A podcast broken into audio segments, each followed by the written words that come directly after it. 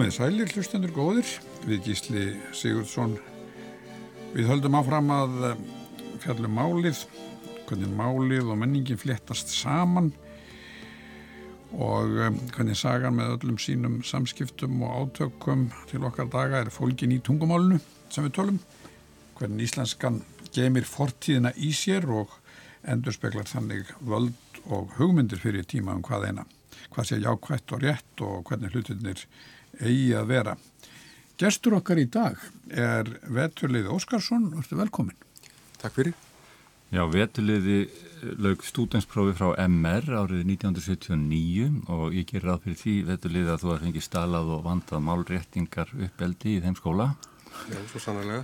Málréttingar uppeldi, já. Og hann lagði svo fyrir sí íslensk fræði og málvísindi í háskóla, bæði hér heima við Hafnarháskóla og síðan í Uppsölum þar sem hann lög doktorsprófi í norrænum málum árið 2001 og skrifaði þá um töku orð af láðþýskum uppruna í íslensku á miðöldum. Og vetuliði starfaði víða á akri íslenska fræða þar til hann lagði háskóla kjænslu og rannsóknir fyrir sig og hefur verið bæði hér við Háskóla Íslands og við Uppsala Háskóla þar sem hann hefur verið profesor í norrænum málum frá 2012. Og Í tengslum við brautriðandaransóknir sínar á tökku orðaforðanum í íslensku hefur vetuliði gefið sér mjög hugmyndum um félagslega þætti svo sem málstöðlun og mótun málstefnu á síðaröldum og fram á okkar dag. Og þar sem þetta þrengt kemur saman tökku orðin, málstöðlunin og málstefnan, þar getur hittnaði kolonum þegar kemur að sjálfsmynd Íslendinga og viðbröðum við því fjölmenningarsamfélagi sem við búum nú í og vetulið hefur verið gaggríninn á hugmyndir um staðlað reynlífi í málfarsefnum þegar kemur til dæmis að íslensku kjænslu í grunnskóla sem reynir einmitt á þegar æg fleiri börni í skólun landsins eiga ekki íslensku að móðmáli og hann hefur verið virkur þáttakandi í alþjóðlegum rannsóknarhópum um málstöðlun og þá hugmyndafræði sem íslensk málstefna hefur kvílt á og það er sérlega ánægulegt að okkur hafi tekist að fá þig vetulið í þáttinn til okkar. Og mér langar fyrst að byggja þig að segja okkur af hverju við tölum um töku orð sem sérstakann flokk orða. Þetta eru orð sem að, uh, eru tekin, uh, svo maður segja, úr öðru máli. Og uh, í sumum öðrum tungumálum er talað um að þau séu tekin að láni eins og í dönsku, lóni úr, en við tölum bara um töku orð og Og þetta er eh, frekar hlutlust hugtak, eh, orð sem að eh, eru, eru sem sé berast úr einu máli yfir í annað, oftast vegna einhvers konar menningar áhrifa og oftast þá sterkra menningar áhrifa eins máls á annað. Og þessi menningar áhrif þau geta verið, þetta getur verið verslun, viðskipti, trúmál, eitthvað sem tengist trú eða jafnvel stríð ímiskonar uh, aðrar uh, leiðir eru til náttúrulega. Og uh, þetta er samt aldrei flókið mál með, með tökórð tökórð er hvenar er tökórð tökórð, hvenar hættir að vera tökórð orðið kaffi er, er tökórð en er, er orðið kaffibodli, er það tökórð Já, hvenar hætta inflytjendur að vera inflytjendur? Hvenar hætta þeir að vera inflytjendur, það er alveg rétt, já. Suðum orð sem við höfum haft aldrei lengi í, í íslensku eru ennþá lítinn hótnöga, til dæmis blessuð sögnuna skið. Já, það skiði fyrir mig. Skið. Já. Það er ekki, ekki talið vandað mál. Nei, reyndar er, er það skiði fyrir mig. Það er reyndar daldið annað, vegna þess að þá brítur það svolítið eh, aðra þætti málkerfisins.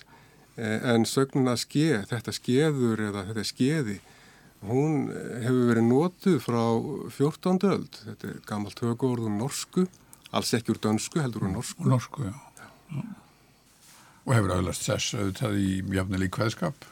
Já, já. Þetta skeiður ekki oft, það er kveðum saman. Alveg rétt. Já, já. Margt getur skemmtilegt skeið, hétt bók sem að við lásum sjálfsagt allir þegar við vorum drengir.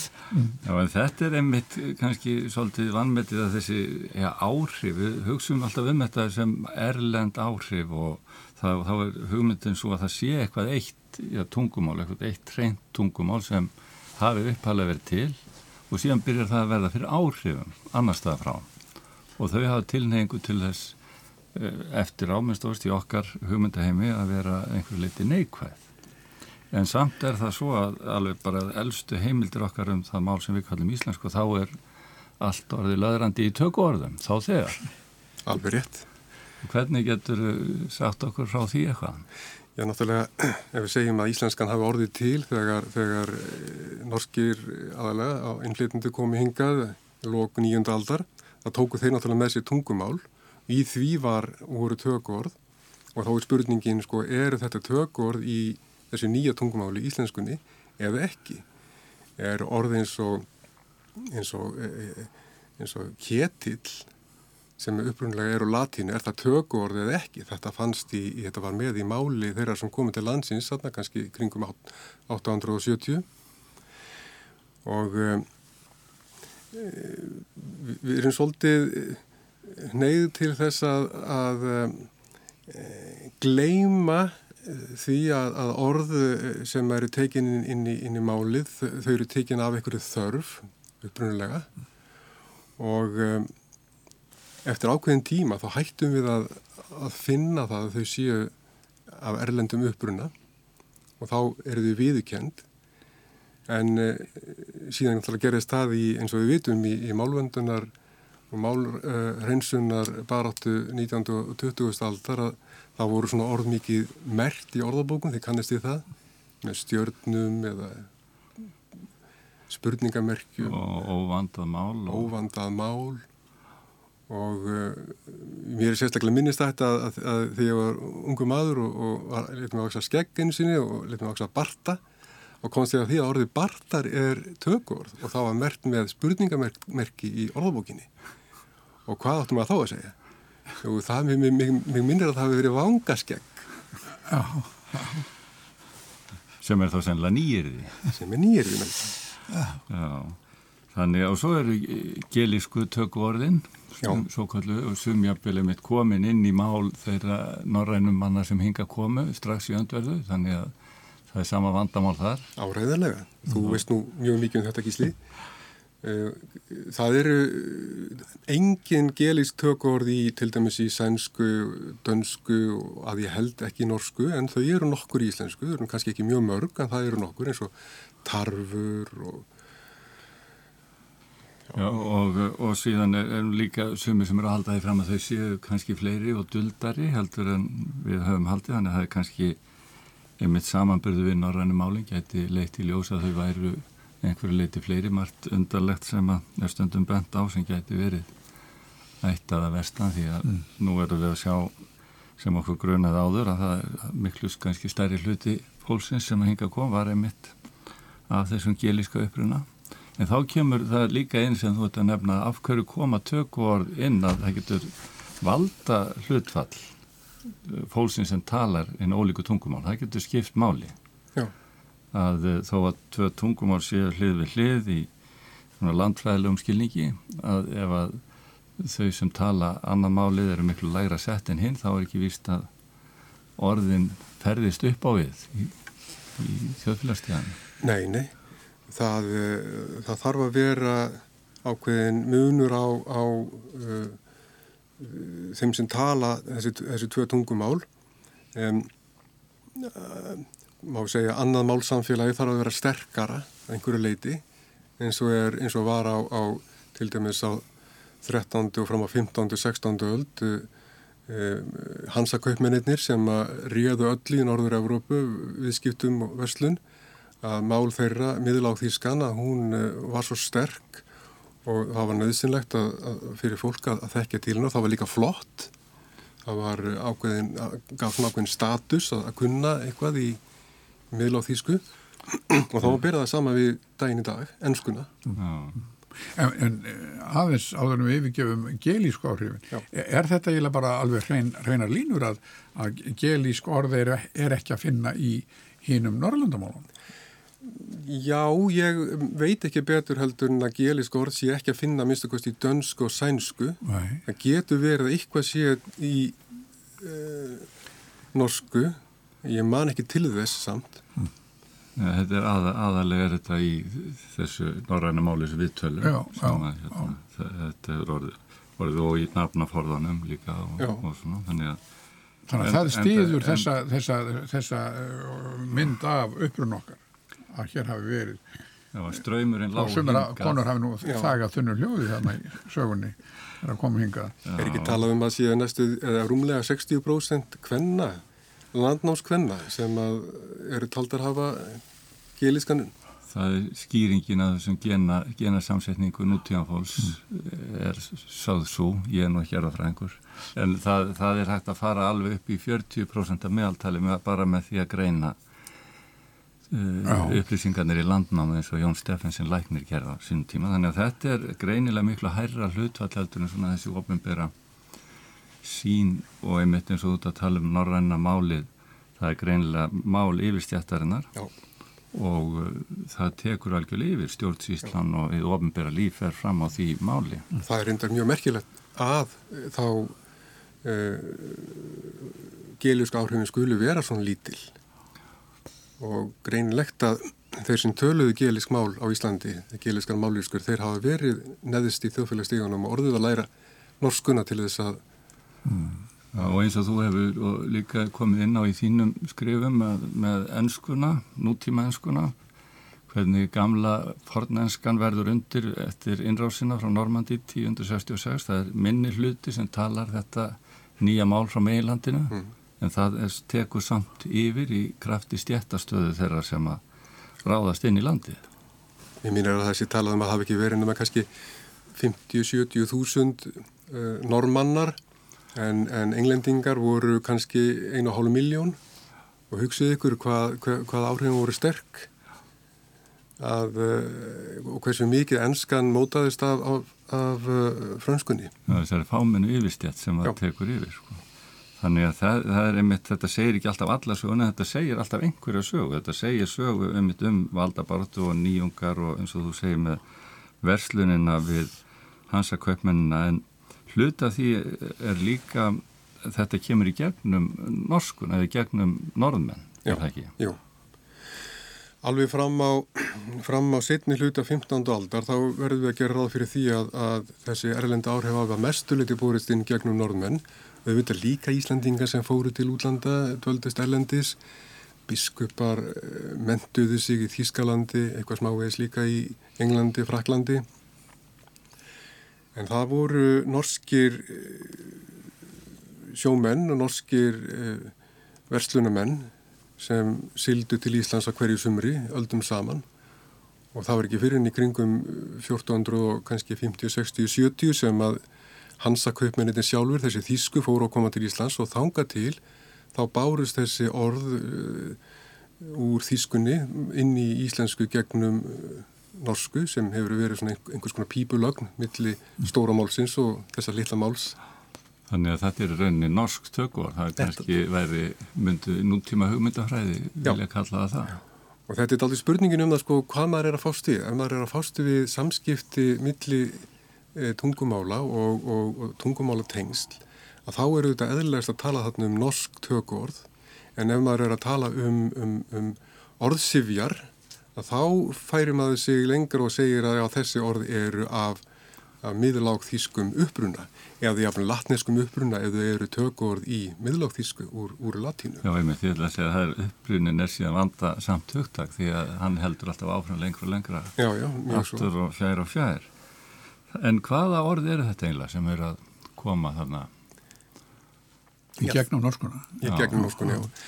Já, það er... Uh, Annars vegar koma náttúrulega orð gegnum þýðingar, þarna strax uh, þýðingarnar úr, úr uh, á ymsum rítum, meðal annars frönsku rítum, þá komað frönsk tökurð og síðan þýðingar á öðrum uh, rítum á, á, á 12. til 15. öld.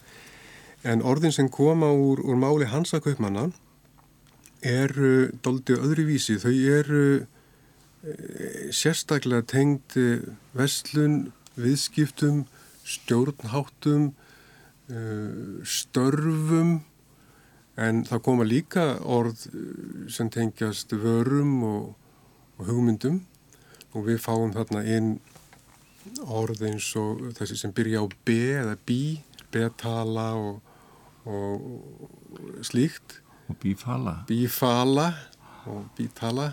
Er þetta ekki eitthvað svona sem fólk þekkir kannski mest úr Íslandsklukku, Haldur Slagsnes? Jú, jú. Þetta orðfæri. Þessi orð, uh, þau uh, urðu nú minna nótið íslensku en, en kannski maður hefði haldið. Þau, uh, við lesum þetta í ýmsum skáldsögum frá fyrir hluta 20. aldar, til dæmis skáldsögum Lagsnes og líka Hagalíns og fleiri sem nota þessi orð til að, að skreita tungutak sögupersona sinna og en e, það er nú ímislegt sem bendir til þess að fólk á 19. öll til dæmis venilegi bændur í Íslandi að þeir hafa nú ekki mikið notað orð eins og bítala og, og, og bífala og, og slíkt Þannig að það er stjættamunur í, í því hver nota þessi tökvarð Já Sum þeirra minnst okkursti hafa aðalega verið e, svona rítmálsorð, e, lærðramanna, embættismanna og annara. En um leiðum að lesa eitthvað sem vennilegu bændur skrifa, að þá er minna um, um þessu orð, virðist vera. Það kemur fólki ofta óvart hvað Átni Magnússon sletti mikið. Aldeilis. Hörm, hörmuleg orðfæri með nútíma kröfur um málhreinsun.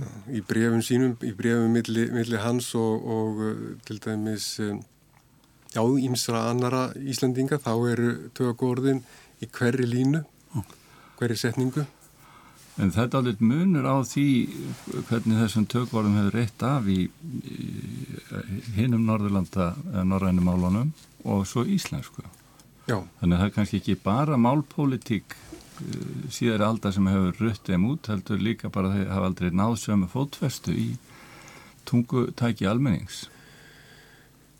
Nei, nú er náttúrulega þannig að þó að Ísland hafi aldrei verið hérna, einangra í rauninni, það voru alltaf ferðir hingað og samskipti við útlönd, þá er nú samt þannig að það er ekkert svona landfræðilegt grannmál, hérna við eigum grannmál í Skandinavíu sem kallur grannmál íslenskunar, en það er ekkert þegar er landfræðilegt grannmál sem liggur upp að íslenskunni, þannig að samskiptin voru öðru vísi heldur en til dæmis samskipnir milli norðmanna Dana og Svíja og síðan auðvitað samskipti þessara við, við hansakaupmenn og aðra uh, Evrópumenn.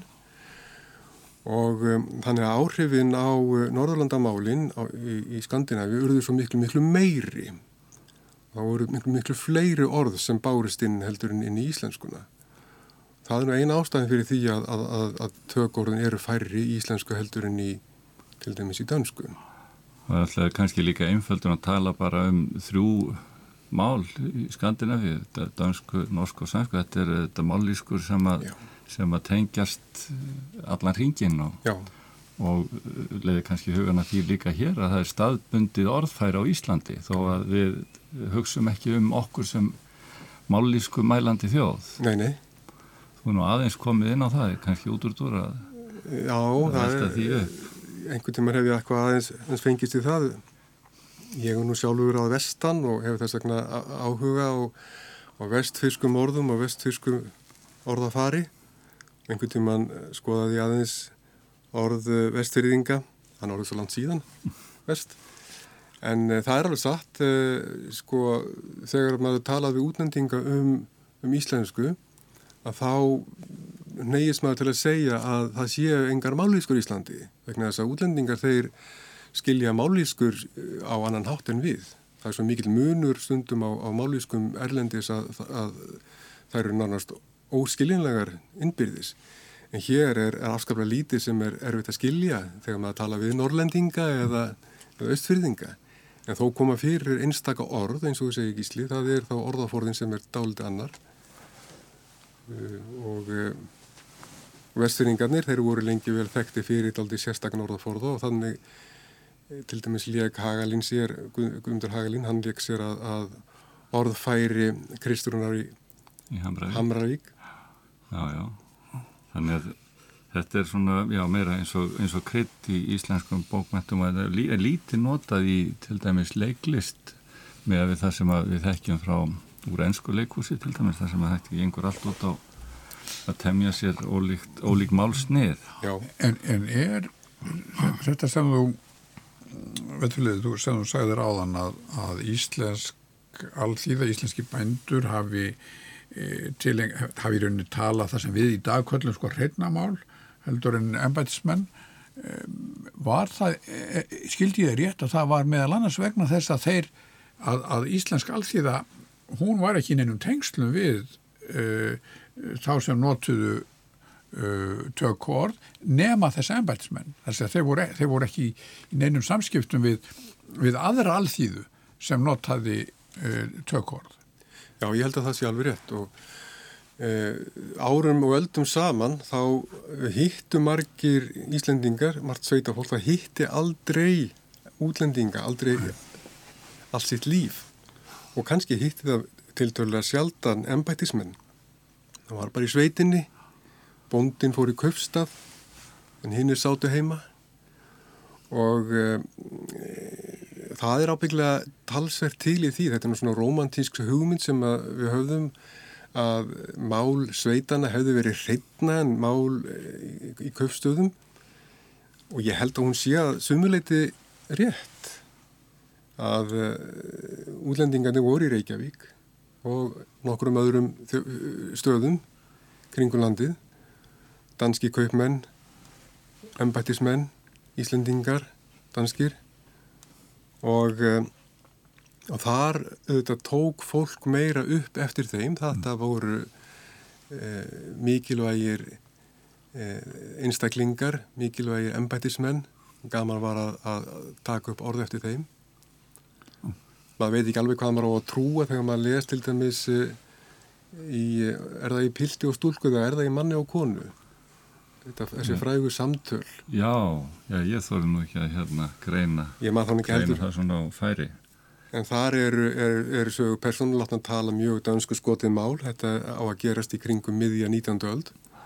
Það eru þetta óvíst þetta hafi verið svona, kannski leik höfundurinn sér að þessu en, en eh, samt held ég að það sé eitthvað í þessu þegar rítöfundar nýta sér orð og erlend orð og, og, og láta uh, sögupersonu sína tala og nota þau.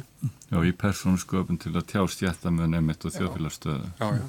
Þeirra sem svona tala. Það er líka, sko, eins og þú skrifaði um í sambandi við miðalda ástandið að það er ekki bara sko, þjóðfélagsstaða einstaklingarna heldur sko, tísku staða tungumáluna. Já að láþískan er miklu hærra skrifuð og meira tísku mál mm -hmm. og miðaldum heldur en ennskan hinga að koma ennskir kaupmenn beint en það er eins og þess sjá ekki stað í, í orðfærinu Nei, nei það eru afskabla sko, afskabla fá ennsk tökur eða miðennsk tökur sem bárist inn í málið á, á henni svo kalluðu ennsku öld, það er að segja 15. öldinni, svona eða þeim tíma frá kannski 1400 og 10 og fram til 1470 þá voru englendingar hér á mörgum skipum hverju sumri og sumleiðis í landi og keftu og seldu og fiskuðu.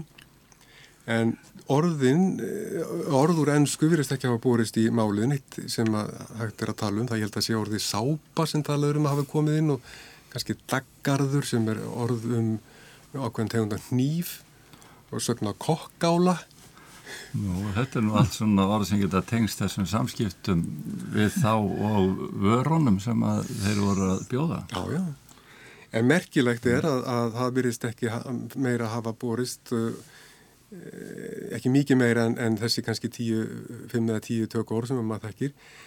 Uh, og ég get nefnt það að, að á 15. öld, einhvern veginn um miðjöldin eða svolítið fyrir miðjöldina, þá voru þýttar dæmisögur Eh, úr miðensku á íslensku. Dæmisögur, svona kristilega dæmisögur. Og um, það er aðtíklisvert þegar maður skoður orðaforðan í þýðingunum að það er valla að finna eitt einasta ennst tökord en hins vegar aðra grúa af miðlágþýskum tökordum sem sýnir það að þýðendirnir og sjálfsagt aðrir íslensku samfélagi á þessum tíma þeir hafi verið mjög vel meðvitaður um hvað miðlágþýskan var fínt mál en ennskan var hins vegar svo ófínt mála það það var ekkert gaman að taka tökuorð úr henni. Þegar þú segir miðlág þíska? Já, þetta er, miðlág þíska er eiginlega sko tungumálið sem kemur eftir saksneskuna. Saksneskan er sem sé þetta mál sem tala var í norðu Þískalandi og svona í kringum um, 1200 eða 1150 þá er talað um að það verði eitthvað skipti og eftir það tala maður um miðlágþísku. Miðvísa til mið, miðjunar, ekki í, í sögunni en ekki, sögunni. ekki miðju Þískaland. Já, já, já. Þetta mál er ennþá talað til sveita í, í nor norðu Þískalandi og er rauninni annað mál en Þíska. Já, og tilsvöld. Og hefur þá fint hér sem sé. Já, mjög svo. Já, þetta, þetta er merkilegt einmitt hvað ennskan á verði stega þarna lítið upp á pallborðu og getur komið inn í þetta að það eru bein samskipti þá bara í verslunnu á, á þeim stöðum þar sem þessu kaupmenn eru sem að dreifast ekki endilega um landið. En þau fáu orð og ég held að þetta ég mitt við er það ekki um allan þennan svo kallar töku orðaforða að sagan sem að þetta segir um já, samskiptin og um fortíðina hún heldur áfram í þessu lifandi tungumáli sem við tölum. Þannig að við í rauninu berum fortíðin alltaf með okkur í orðaforðanum og með svona orðsifjónum eða með því að rína í upprunn orðana þá getur svona sagan lokist upp fyrir okkur. Já, já. En það þetta, eh, gerist aldrei annað að á 19. öld og fram á, nánast fram á okkar tíma þá hefur nú verið reynd að reynsa burt hansi mikið af þessum dansk-þísku tökórun þannig að þar eru við eiginlega búin að, að tapa burtu dálitlum þætti, dálitlum hluta þessum, þessari minningu sem þú nefnir gísli. Hún er horfin. Öll nánast orð sem að byrja á beðað bí, þau eru horfin. Sagnir og, og önnur orð sem byrjið á an eins og antaka og annamma allt þetta er horfið. Lengi var reyndað eigða sögna ske sögna blífa Já, það er skemmtilega hvernig hún hefur hérna, já, lifað já. eða hún blífur í íslensku. Einmitt eins og þú segir, hún blífur. Hún, eh, menn byrjuði að nota hann eitthvað þarna á 15. öld, ég held að elstu dæmi séu frá því kringum 1420 og síðan fjölgar, not, fjölgar dæmum eh, þegar framlýða stundir og talsveit marg, marg dæmum sögna blífa í Nýja testamentinu. Höfundur Nýja testamentisins var náttúrulega þó að maður í þannig séð Íslandingu, þá var hann alin upp á í Nóri og Ottur Gottskálksson. Já, höfundur síðingarna síðan síðandin Já, en þetta orð virðist ekkit neginn ekki hafa, hafa náða festa rætur í, í íslensku, ekki eins og í dönsku, norsku og sænsku og reyndar í færisku líka. Nema að það er ennþá notað í eins og í, í, í svona vissu samhengi, þetta blífur og, og þetta er önnur merking ef við heldur en annar staðar á Norrlandi Já, þetta er merkilegt nokkuð, er þetta gamla upprunalega þíska merkingin? En svo merking sem algengust er í dönsku og, og norsku og svensku, hún er valla til í íslensku. En uh, svo einmitt þú talar um að hérna, málstöðlunin hafi reynsað út þennan sögu, sögulega þátt í tungumálinu en uh, nú erum við eiginlega komin á það stigar það ekki að einmitt þessi reynsun er orðin að sögulegu fyrirbæri líka. Þannig að það segir sína sögu ekki síður að þetta hafi reynsast út og mjög sérstakka sögu að við fáum þarna bólgin orðaforða í nokkrar aldir þar sem að allt er opið og tekur inn mikið af nýjum orðins og dettur já, læriðu fólki í það í huga þetta sé ekki jákvægt og mann reyna að vinda orðaforðan þannig að þessi orð hreinsist út og við förum aftur á ja, fornmálstíið að einhverju leiti. Hvað er á segði þarna? Þetta var uh, romantík 19. aldar og uh, hugmyndir um uh, hrein, hreint mál, hreinleika, hreinleika tungunar, hreinleika þjóðfélagsins, hreinleika manneskjunnar. Og það var kannski dálítið auðvelt að, að ganga langt í þessu í íslenskunni og á Íslandi. Fáment samfélag eh, bókmenning sterk eh, miklar minningar um eh, gullöldina tóltu öld og síðan náttúrulega ekki síst að Íslandinga voru að berjast við að fá sjálfstæði frá dönum og þá eru þetta grípið til allra aðgerða sem hægt er og meðal annars er danskan eða danir danskan ásökuð fyrir að hafa órenga tungumáli og hvað gerir maður þá þegar eitthvað hefur órengast? Jú, þá reynsar maður það, þvær maður það burt og þá var sem sé mörgum af þessum orðum uh, reynlega útrýmt úr, úr málinu. En þó ekki öllum því að það er ógerlegt og hefði auðvitað verið alveg reyn fáviska alltaf sér að reynsa burt öll orðin úr tungumálunum. Það var reyndin sem ég nefndi hérna áðan að, merkja orði í orðabókun. Það er ekki gert lengur, ekki á sama hátt til dæmis í þessu nýjastu orðabókun. Nýjastu orðabók íslenskunar frá 2002. En um, hér, hér áður fyrir þá gæti maður bara að fara í orðabækunar og skoða hvaða orð voru með spurningamerki og svo varast að nota þau. Er, já. Nei, bara uh, á, á hérna Norðurlandunum þar að segja þetta hreinsunarferðli og þessi hreinsunar áráta áttu hún sér aldrei stað þar? Í miklu, miklu minna mæli en daldi samt mm. og það bæði í Danmörku og, og Svíþjóð talsvert mikið í Nóri í rindar það tengdist nú daldi öðrum hlutum, tengdist uh, sko nínorskunni og, og bókmálunu, ég vil ekki fara út í það En það, til dæmis í Svíþjóð, þar voru málfræðingar sem alveg allt fram á framundu 1980 voru að berjast fyrir því að reyna að reynsa burtu svona ákveðin þísk og frönsk tökur úr, úr sænskunni. Er nú, þetta er nú að mestu liti gleimt núna í, í sænskunni en, en, en þetta var til. Mm. Það mér þótti líka skemmtilegt þegar ég var í nám á Írlandi að lesa í blöðum stöku sinnum greinar þar sem að fólk var að leggja áherslu á að þetta nota engilsaksnesk orð og ekki þessi nýmóðins orð sem að normannir hafðu normannir hafðu komið með Já. eftir 1066 þannig að þessi hugmyndir líka í ennsku málsamfélagi það er í að fara aftur fyrir þessi miklu mál áhrif Já. á 11. þannig að það er kannski ekki að ekkert svo nýtt en eða, eða sér, sér íslenskt. En ef við ætluðum til dæmis sko hugsa um þetta þannig að reynsa út töku orðaforðan þá sætu við uppi með gamlu góðu indoevróskuna sem vorum að tala um hér síðast og það er kannski ekki orðaforði sem myndir döga til mikils í okkar samfélagi. Nei, ég er hættur um ekki. Það, eh, ég held meiri að segja ef að Snorri gamli Sturluson geti komið til okkar núna sem dó 1241 var það ekki já. þá uh, mynda nú ekki skilja margt í íslenskunni að minnst okkarsti ekki án orðalista og hjálpar því að orðaforðin hefur breyst gríðarlega mikið á uh, undanförnum þúsund árum uh, eitthvað hefur náttúrulega horfið af orðum vegna þess að ímislegt hefur breyst í atvinnuháttum í landinu en sérstaklega hefur orðum fjölgað vegna þess að, að tækni atvinnuhættir, ímsa nýjungar og hefur, hefur leitt til þess að, að orðaforun hefur stækkað og aukist. Svo getur maður að sé þetta líka í vestur íslenskunni þar sem að einmitt var ekki þessi málpólitík eh, reginni gegnum skólakerfi eða fjölmiðla með sveipuðum hætt og hér þó þar hafi verið talað gegn kannski ennsku mál áhrifum.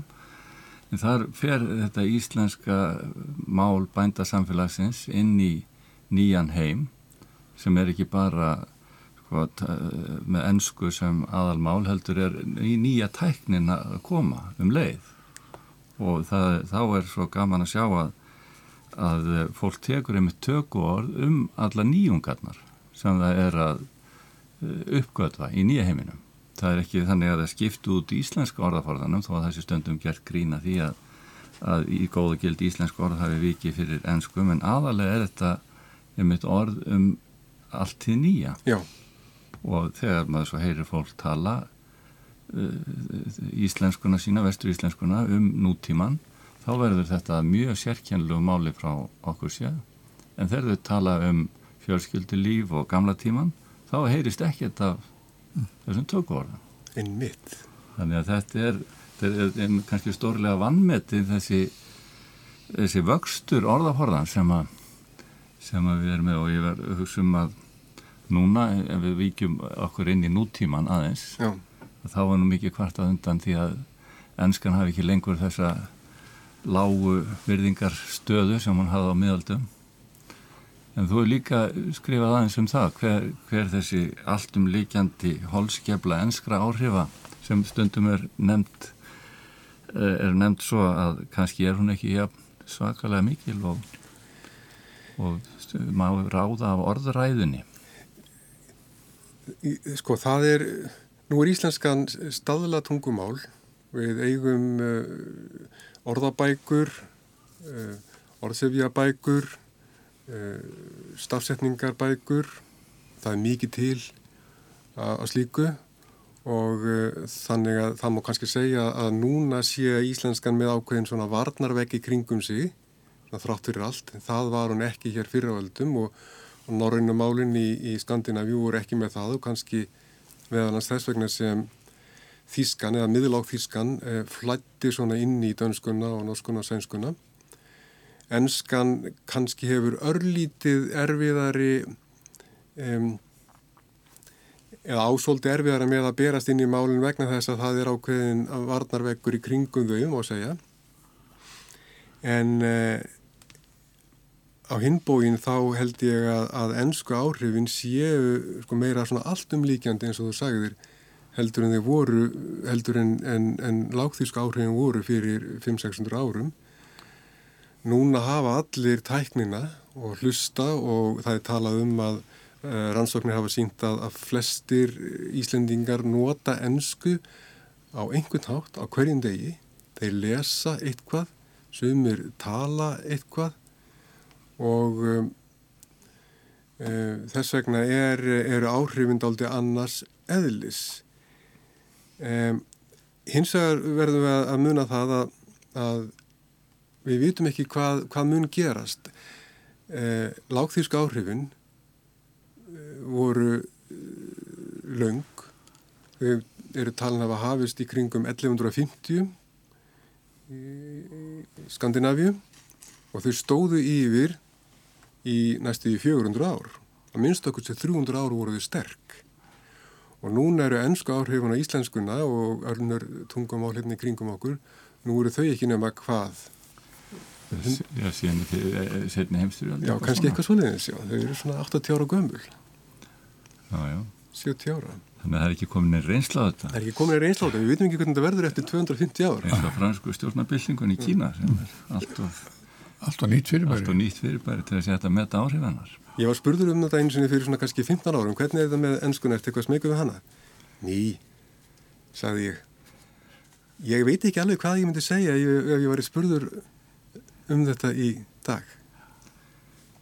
En það fer líka eftir málsniðinu eins og ég held ég hefði skrifað um því Ásta Sváastóttir fyrir, ég ætla það sé ekki tíu ár síðan þessi Já. grein kom og, og þá kemur í ljósað í svona ofinberu máli og skrifum þá er mjög lítið af merkjanlegum ennskum málárum að því eins og þú segir að við höfum þetta innbyggðar málhreinsi búnað í okkur, Já. það eru yfirlesarar og með vita að þeir eru skrifa greinar í blöð og ofnbæra testa og tala í fjölmila þá er ekki viðígandi að sletta í hverju setningu sem svo sömu menn geta gert í enga skrifum sínum og, og enga samtölum. Þannig að málsniði skiptir hérna verulegu máli og hver viðþorf okkar til tökuorðana og þar með hugmyndafræðinni kringum tungumáli er svo sterk. Já. Heldur það sé eitthvað að breytast þessi hugmyndafræði? Ómeðvitað er hún að breytast eitthvað svo lítið, já. Þetta sér maður til dæmis mikið í, í, í eh, máli bladamanna. Ný kynnslóð uh, bladamanna uh, hefur að dálítið aðrar hugmyndur um tungumálið og þegar maður les fréttir núna frá þessum mánuðum núna og ber saman kannski við frétti frá því fyrir 15-20 árum þá sér maður að það hefur eitthvað breyst. Uh, ég er ekki vissum að það muni breytast kannski mjög mikið í hennu eiginlega ofnbæra máli, það er að segja máli laga og reglugerða því það er alveg eins og þú segir gísli, þar, það er allt saman yfir lesið og, og fer í gegnum hreinsun, hreinsunar eld um, prófarka lesara og slíkra. En uh, það er eitthvað á, það er eitthvað að breytast. En er þessi staða þá núna, er hún ekki alveg öndverð við stöðuna þegar lág, mið lág þýsku áhrifin áttur sér stað eins og við töluðum um áðan að þá, þá, var, var alþýðan ósnortin en embætismenninni snoppuði fyrir slettónum en nú er það öfugt. Alveg hint, þetta er alveg horrið. Mm. Það er alveg stórmerkilegt kannski ekki merkilegt þegar maður skoðar sko, ástöðuna fyrir þessu en, en samt sem áður er, það, er þetta mjög eftirtæktavert að þá er það þessi, þessi ofnbyrju skjöl til dæmis svo kallu formbref, mm. samningar og slíkt. Þar er allt vaðandi í þessum, þessum töku orðum, þessum, þessum miðláþísku sérstaklega, miðláþísku orðum. Og þannig er það líka fram eftir öldum í alls konar dómum dómamáli og, og slíku En svo tekur bara við, e, taka við nýju tíma frá og með 19. öldinu þegar skólakerfið vex og orðabækur verða til, málvönduninn fer af stað og, e, og, e, og það, þessi hreinsibúnaður og varnarveggur e, verður til. Það er kannski líka einmitt þarna kemur hugmyndafræðin svo sterkinn að þegar allar þessar slettur vaða upp í unum ofinböru gögnum þá er hugmyndafræðin svo að það sé gott að hafa þessa textadaldið fyrir ofan það sem að alþjóða manna skilur. Það þarf að hafa sérfræðinga og ennbættismenn til þess að botni hvað er á segði í þessum skjölum. Mm. Alþjóða ná ekkert með það að vera með slettir ykkur skap þar. En svo með þessari svona alþjóðu væðingu hugmyndafræðinar á 19. ölda þá fylgir það með að alþjóðan á rétt á að skilja. Já. Og þess vegna þarf að reynsa þetta út svo að fólk skilja þetta já, já. þannig að það er í rauninni sko, spilar allt annað hlutverk uh, málhreinsuninn þegar hún er í þáu almennings sem að tala ennþá þetta einhverju leiti hreitnamál sem er, algjörlega ólíkt núna núna vil, vil elitan vil yfirstjættin hreinsa mál almennings sem er farin að tala tómaþvælu mm.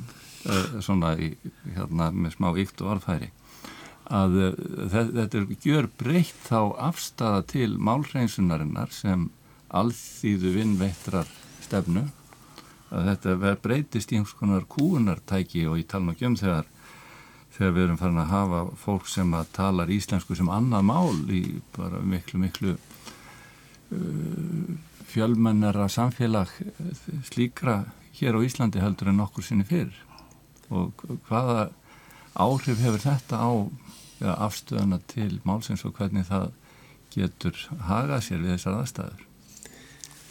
Já, þetta er nú góð spurning.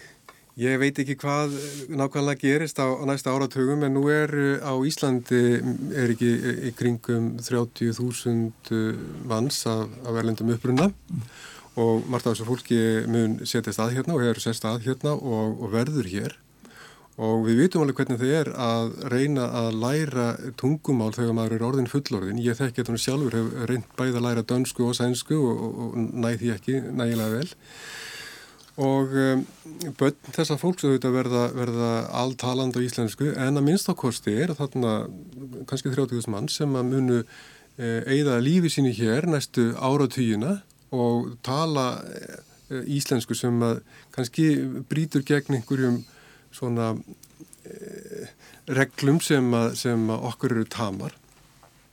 Og það er e, mjög varhugavert að e, meta fólk eftir í hvernig það talar.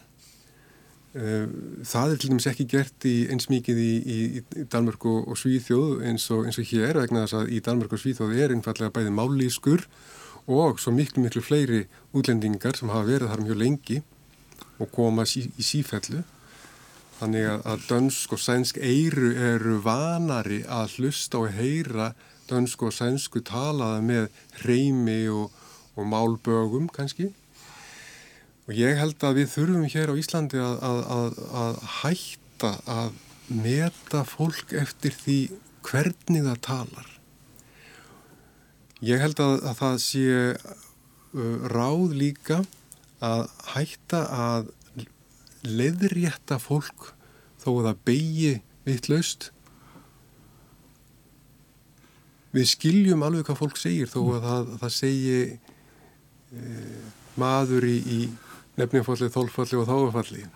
Já, þetta er alltaf er, erfitt mál að við getum komið okkur saman um þá stefnu, þetta sé ekki æskilegt en mælsku listin er eitt elsta brellu brað hérna, þeirra sem vilja ná hilli almennings og fá stuðning almennings við hugmyndi sínar og skoðanir og komast til valda og þá einmitt er tungumálið og vald á tungumálinu líki latriði alveg sama hvað okkur finnst um réttmæti þess.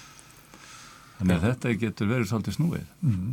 En, en er ekki, þú nefnir þar sem e, flytjast hingað og, og er að reyna að læra íslensku með svona mísjöflum árangri kannski eins og gengur. Ég hef á tilfinningunni að áhrifin af þessu séu tungunni, við tölum um tunguna sem einhvern veginn svona sjálfstæð lifandi veru, séu ekki derfið tungunni, en hins vegar það er kannski kæruleysi og og tísku fyrirbæri meðal þeirra sem eru staðan fyrir að kannski að sína valdsitt með, með góðu orðfæri dyrka valdaleysi, dyrka svona ákveðina uh, hvað var að segja svona að sletta óhóflega og bara verðast gangast upp í því og að, að nenn ekki til dæmis að, að, að aðlaga fræðiþekkingu sína til dæmis að íslensku máli. Maður heyri stundum fólk sem hefur, er að koma úr námi elendis frá og hefur jáfnvel verið á starfað hérna upp í háskóla í ára tugi á eftir það er enþá að nota uh, það er enþá verið að nota uh, orðmyndanir og, og slettur úr því málið sem það lærða það, það er eins og sé viljandi eh, verið að gefa skýtt í það að tala þokkalegt mál Það eru slemt engins að þá getur almenningur ekki skili það sem að, að þessi fræðiminn er að segja. Mm. Það var kosturinn við nýjirða stefnuna þó að, að stundum sé nýtt í hana fyrir að, að við höfum reynsað þá burtu kannski einu og mikið jafnvel af alþjóðlegum orðum. En kosturinn við hana var sá að, að nýjórð voru, voru búin til sem að gerðu svona flestu að mista kosti nokkuð auðvelt að skilja það sem að, að fræðimenn mm. e, segja. Þetta er rauninni annað vandamál með það sem vorum að tala um áðan, það sem allþíðan byrjar að, að byrja neðan frá tökku orðavæðingin, einmitt að þetta að fræðimenn tilengi sér fag orðaforða sem almenningur ekki skilur, það er gamla miðalda gamla miðalda að, að, að halda almenningi bara frá þessum vísindum. Það var það ekkert um það. Þetta er bara fyrir, fyrir okkur. Þannig það er rauninni undir tekstin í, mm, mm, í mm, því málfari. En síðan gerist það þarna í lok átjöndu aldar með, með upplýsingunni og síðan heldur það áfram á nítjöndu ald með eins og kallu romantík að e, það var sem sé talið af hennu góða að fólkið skildi e, og, og hefði skilninga á, á sem flestu og síðan sem sjá á 19. öldin þá tekur við einmitt líka hugmyndin um að, að mál uh, eh, bændastjættarinnar sé á einhvern nátt fallir og betra og þetta helst áfram í, sem sé, í, já, allt fram til okkar tíma, einhverju leiti þessi blanda af upplýsingu og romantík en það er eitthvað aðeins annað að gerast núna, einhver, einhver breyting á, á ferðinni mm. Kanski náum við að tala meira um það í næstu þáttum Já, ég held að verða nú að, að láta staða numið hér í, hér í dag. Eh, þetta er endar, þetta liggur mjög þungt á mörgum. Og þetta, menn hafa, margir hafa miklar áhyggjur af framtíðtungunar og, og, eh, og sannast sagna þá umræðarstundum mjög skrítinn en, eh, en, en það var ágætt að dvelja í fortíðtungunar for, já og sko, skoða, skoða til dæmis þetta er ákála aðteglisvert að, að hér hafi á tímabili í okkar sögu þá hafi menn verið alltaf svona snoknir fyrir eh, mið lág þýskum áhrifum frekar en ennskum þó þetta snúi hins einn í dag. Þannig að eh, vetuliði Óskarsson bestu þakki fyrir að sitja hér í þessu samtali við okkur Gísla Sigursson og hlustendur. Takk fyrir